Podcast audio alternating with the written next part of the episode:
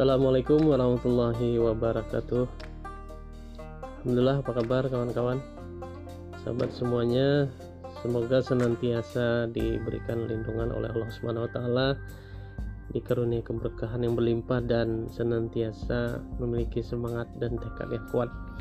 Amin. Oke, kawan-kawan kita kembali sharing sama-sama menggali ilmu lebih mendalam tentang menguatkan impian dan motivasi hidup. Pada sesi kali ini eh, saya akan sharing mengenai sebuah story kemenangan, cerita kemenangan dari pahlawan Islam yang ini bisa dijadikan ibrah pelajaran buat kita untuk menjadikan hidup kita lebih semangat mencapai impian yang selama ini belum kita capai. Oke, di seri ini kita sekali lagi ingin menggali lebih jauh ke dalam diri kita sehingga kita menemukan hakikat kehidupan kita. Dari mana, di mana, dan akan ke mana kehidupan ini kita bangun. Karena ada sebuah hadis dan pepatah yang mengatakan man arafa nafsaha faqad arafa rabbaha. Barang siapa yang mengenal dirinya niscaya akan dia mengenal Tuhannya. Barang siapa mau merenung lebih dalam maka dia akan mengenal hakikat kehidupannya. Nah maka dari itu kita harus lebih banyak menggali ilmu dari hasil perenungan diri kita dari kita bercermin kemudian kita menapaktilasi pahlawan-pahlawan atau orang-orang yang su sudah sukses terdahulu. Oke kawan-kawan kemarin kita sudah berbicara tentang pentingnya membangun fokus membangun impian dan 9 berbanding satu impian tersebut terletak di dalam sisi emosi atau alam bawah sadar pikiran kita. Maka dari itu kita harus membangun tekad yang kuat di dalam alam bawah sadar ini. Oke, kita akan bahas salah satu cerita yang sangat heroik yaitu kisah Tariq bin Ziyad pada saat dia bisa menaklukkan wilayah Spanyol. Anda mungkin hari ini sebagian ada yang tidak terlalu ingat tentang sejarah bahwasanya Spanyol tersebut yang hari ini tempat Real Madrid, Barcelona dan lain-lain termasuk La Coruña itu adalah negara muslim sebelumnya. Artinya di situ adalah mayoritas penduduknya adalah muslim. Nah, artinya di situ ratusan tahun Muslim pernah berkuasa, dan salah satu yang mendobrak untuk menjadikan Spanyol menjadi negara Muslim adalah pahlawan Islam bernama Tariq bin Ziyad. Tariq bin Ziyad adalah pemimpin yang pada saat itu dengan idenya yang luar biasa memerintahkan membakar seluruh kapal-kapal yang telah membawa mereka menyeberangi wilayah. Pada saat itu, para prajurit pun keheranan seakan tak percaya dan mengatakan ini tidak mungkin bagaimana kita kembali nantinya kata para prajurit tersebut namun Torik mengatakan di mana jalan pulang silakan anda pilih di depan ada musuh di belakang ada lautan. Sungguh kalian tidak memiliki apa-apa kecuali sikap benar dan sabar. Musuh-musuh kalian sudah siaga di depan dengan persenjataan mereka. Kekuatan mereka besar sekali sementara kalian tidak memiliki bekal lain kecuali pedang. Itulah yang dikumandangkan seorang Tarik bin Kiranya perang ini berkepanjangan dan kalian tidak segera dapat mengatasinya, maka sirnalah kekuatan kalian dan akan lenyaplah rasa gentar mereka terhadap kalian. maka dari itu kalian harus rela mati dan ini dikenal ada sebuah gunung yang sangat fenomenal sampai sekarang namanya Jabal Torik nah saat itulah menggeloranya semangat oleh seorang pemimpin. Nah ini bisa kita jadikan sebagai bahan pelajaran. Kita juga harus memiliki jiwa leadership apalagi bagi para pemuda bagi yang laki-laki sebagai pemimpin keluarga nantinya yang masih jomblo misalnya atau Anda yang hari ini sudah menjadi suami. Harus punya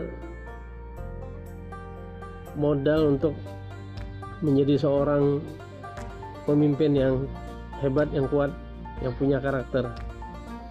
Nah, akhirnya pada saat itu kata-kata Torik tersebut melecut semangat pasukan kaum musliman dengan kekuatan 12.000 prajurit mampu menaklukkan wilayah Spanyol yang diperkuat bukan sedikit yaitu 100.000 pasukan tempur. Torik hanya membuat pilihan yaitu fokus pada kemenangan, tidak membuat alternatif pilihan yang lain. Ini adalah salah satu pemicu semangat kita bikin semacam pilihan harus berhasil harus sukses. Kalau dalam istilah bisnis itu adalah bakar gedung bakar kapal. Tidak ada pilihan lain. Harus semangat harus punya tekad yang kuat hidup atau mati sia-sia. Merdeka atau mati sia-sia. Artinya harus berusaha. Nah ini adalah salah satu pembelajaran.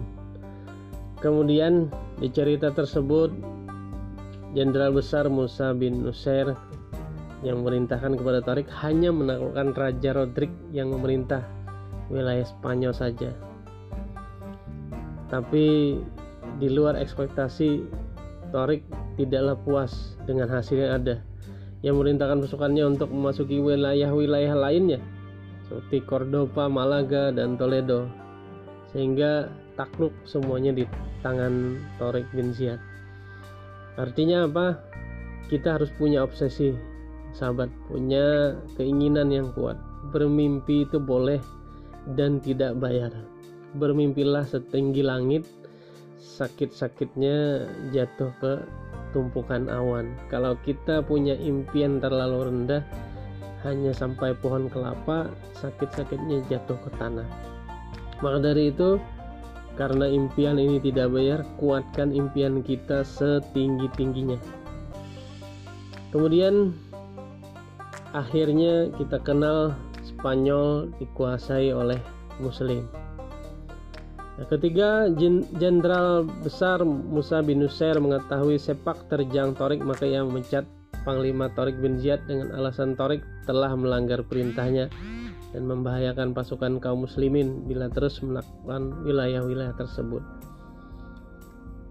Jadi pada saat itu Torik dianggap keluar rule. Tapi ada hikmah di balik cerita ini. Pemecatan ini membuat Khalifah bin Walid bin Abdul Malik turun tangan dan mendamaikan keduanya. Dan Torik pun memberikan hujah kepada Khalifah alasan mengapa ia berani maju lebih jauh menaklukkan wilayah-wilayah Andalusia dengan berujar, "Ya Amirul Mukminin, saya melihat kemenangan itu dari wajah-wajah pasukan saya. Ketika pertama kali menginjakan kaki di sini, spirit dan semangat mereka terbakar dan melambung tinggi ke angkasa. Dan saya merasakan kemenangan di setiap wilayah yang kami datangi." Jadi ini adalah momentum karena ini semangat dan keberanian yang membara dan tidak akan saya hentikan sampai seluruh wilayah kami taklukkan meskipun jumlah kami sedikit. Itu argumen yang diberikan Torik bin Ziyad. Sehingga Jenderal bin Musa bin Nusair berperang bersama Torik. Kembali dia dipercayakan dan membuat satu pilihan yang risikonya adalah nyawa melayang atau maju menang jadi syahid fisabilillah Oke, sekarang pertanyaan di diri kita. maukah kita membangun kebiasaan di dalam diri untuk hanya memberikan pilihan supaya impian kita bisa tercapai.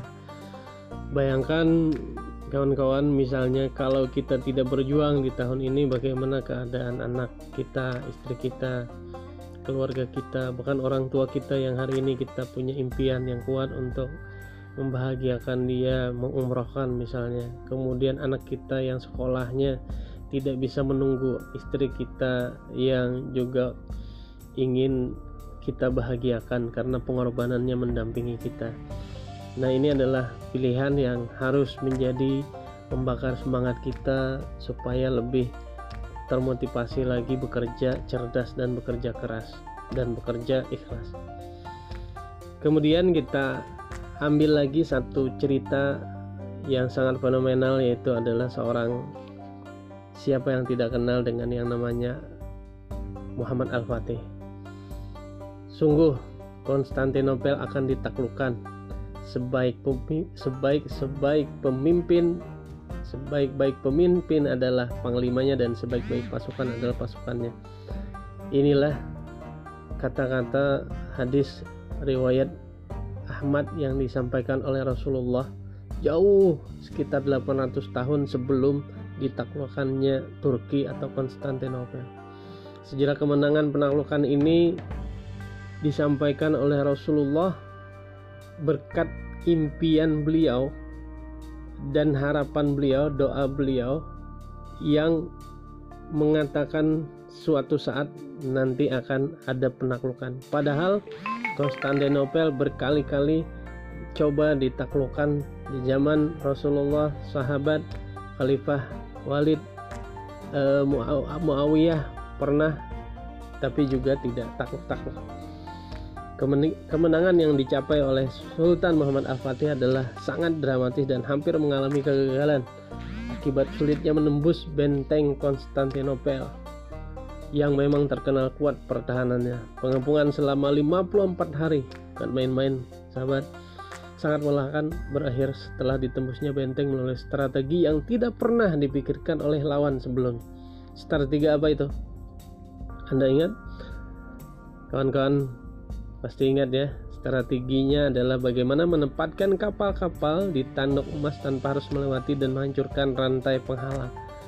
Ide brilian ini muncul tanpa diduga oleh pihak lawan yakni membawa kapal-kapal tersebut menuju tanduk emas melalui jalur darat. Bayangkan, kapal itu bukan di air tapi didorong di darat. Dalam satu malam, pasukan Al-Fatih mampu memindahkan 70 kapal melalui daratan yang berbukit luar biasa. Keberhasilan inilah yang menjadi titik awal direbutnya kota Konstantinopel. Mudah-mudahan yang belum punya rezeki untuk berangkat ke Turki nanti dimudahkan bisa ke Turki. Ini menjadi tonggak sejarah betapa Turki beratus-ratus tahun tidak bisa ditaklukkan oleh seorang Muhammad Al-Fatih yang sangat muda saat itu bisa menaklukkan yang sholatnya dalam sejarah hidupnya hanya satu kali saja dia absen tidak sholat tahajud. Berarti sholat malam sholat sunatnya semuanya lengkap. Sholat wajibnya fardunya berjamaahnya lengkap. Hanya satu kali saja beliau tidak melaksanakan sholat tahajud. Dan usianya sangat muda usianya sangat muda Sultan Muhammad Al-Fatih tersebut. Ini adalah gambaran pahlawan muslim yang fokus terhadap impian dan meyakini hadis Rasulullah itu akan terjadi. Siapa yang merealisasikannya? Akhirnya dia Sultan Muhammad Al-Fatih telah membuat sejarah dunia Islam yang belum pernah terrealisasi oleh para pemimpin sebelumnya. Sisi menang yang dibangun dalam jiwa seorang sultan dari masih dia belia yang mengatakan oleh Mufti Syekh yang guru beliau engkaulah yang akan dimaksud dalam hadis Nabi tentang penaklukan Konstantinopel tersebut. Sejak itulah pada saat dia mendengar oleh ayah dan Mufti Syekh Samsudin yang menyampaikan kepada Sultan Muhammad Al-Fatih sejak itulah dia punya tekad yang kuat untuk benar-benar menjadi pahlawan yang dimaksud oleh Rasulullah tersebut. Membuktikan hadis riwayat Rasulullah tersebut. Nah kawan-kawan ini adalah kesimpulan buat kita. Cukuplah sejarah-sejarah dari heroiknya sejarah Rasulullah. Dari zaman jahiliyah bisa menjadikan terang benderang Fathu Mekah kemenangan tanpa ada pertempuran pada saat tersebut semua orang berbondong-bondong masuk Islam. Dan saat itu diridoi al yauma akmaltu lakum dinakum wa atmamtu lakumul islam madina diridoi Islam itu sebagai agama dan terlengkap melengkapi semuanya menjadi panduan umat manusia. Kemudian Rasulullah memberi pesan-pesan akan menaklukkan dunia melalui pahlawan-pahlawannya dan terbukti ada Muhammad Al-Fatih ada Torik bin Ziyad dan sekarang negeri Islam negeri Muslim di Indonesia pun adalah berkat perjuangan dan tekad impian yang kuat dari para kaum muslimin dari para sahabat dari para tabiin serta orang-orang mengikut beliau yang punya tekad yang kuat meyakini bahwa Islam ini adalah Islam memberikan semacam kemenangan agama yang memberikan motivasi hidup sukses dunia dan sukses akhirat. Mungkin itu saja yang bisa kita ambil petik pelajaran dari dua kisah yang sangat heroik ini. Mudah-mudahan impian kita semakin kuat untuk mencapai kehidupan yang lebih sukses, lebih baik lagi, lebih berkah, hidup mulia, mati menjadi seorang syuhada. Assalamualaikum warahmatullahi wabarakatuh.